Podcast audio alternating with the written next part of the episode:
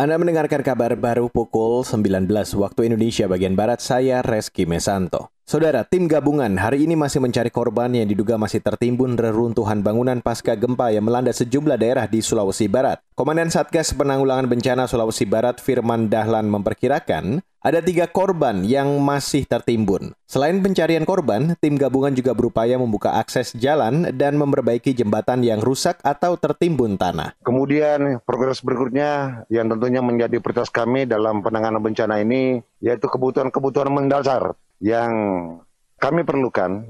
Ya alhamdulillah sampai sekarang sudah bisa kita atasi walaupun dalam awal-awal hari pertama, hari kedua dan hari ketiga kita masih kesulitan memperoleh BBM untuk mendukung operasional kegiatan-kegiatan untuk kendaraan, genset, dan lain sebagainya. Komandan Satgas Penanggulangan Bencana Sulawesi Barat Firman Dahlan menyatakan saat ini jaringan seluler juga berangsur pulih. Satgas juga telah menyediakan sejumlah klaster pengungsian yang dilengkapi dengan fasilitas kebutuhan dasar seperti air minum, air bersih untuk MCK, makanan, dan komunikasi. Bantuan tersebut diterima dari berbagai pihak. Beralih ke informasi selanjutnya, Saudara, Palang Merah Indonesia, Jawa Tengah mencatat ketersediaan plasma konvalesen di wilayah itu sekira 800 kantong lebih.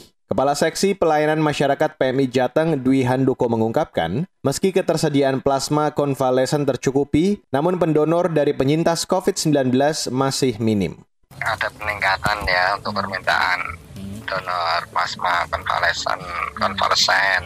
Kalau permintaan sih banyak ya apalagi di Semarang di rumah sakit apa Karyati itu hmm. itu per hari bisa sampai 80 kantong yang PK yang PK itu untuk Jawa Tengah terakhir 871 hmm. itu untuk Jawa Tengah ya dari update 3 UDD hmm. di Jawa Tengah Kota Semarang Solo Kepala Seksi Pelayanan Masyarakat PMI Jateng Dwi Handoko menjelaskan, kendala lain adalah soal minimnya data penyintas COVID-19 dari Dinas Kesehatan. Selain itu, tidak semua PMI daerah di Jateng memiliki alat aperisis. Alat aperisis adalah alat pengolahan komponen darah secara fraksionasi atau saat pemisahan komponen-komponen. Saat ini baru kota Semarang, Surakarta, dan Banyumas yang memiliki alat tersebut.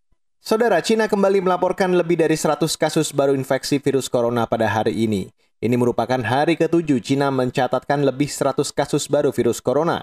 Tiongkok kembali mengalami lonjakan kasus dan menjadi wabah domestik terburuk sejak Maret tahun lalu. Bahkan satu provinsi di timur laut mencatat rekor peningkatan harian tertinggi. Seperti dikutip dari Reuters, Komisi Kesehatan Nasional Cina melaporkan 118 kasus baru pada Senin naik dari hari sebelumnya. Untuk menekan penyebaran kasus COVID-19, jutaan orang telah diisolasi dalam beberapa hari terakhir. Beberapa kota juga sudah menjalani pengujian massal. Ini dilakukan di tengah kekhawatiran infeksi yang tidak terdeteksi menyebar dengan cepat selama liburan tahun baru Imlek Februari mendatang.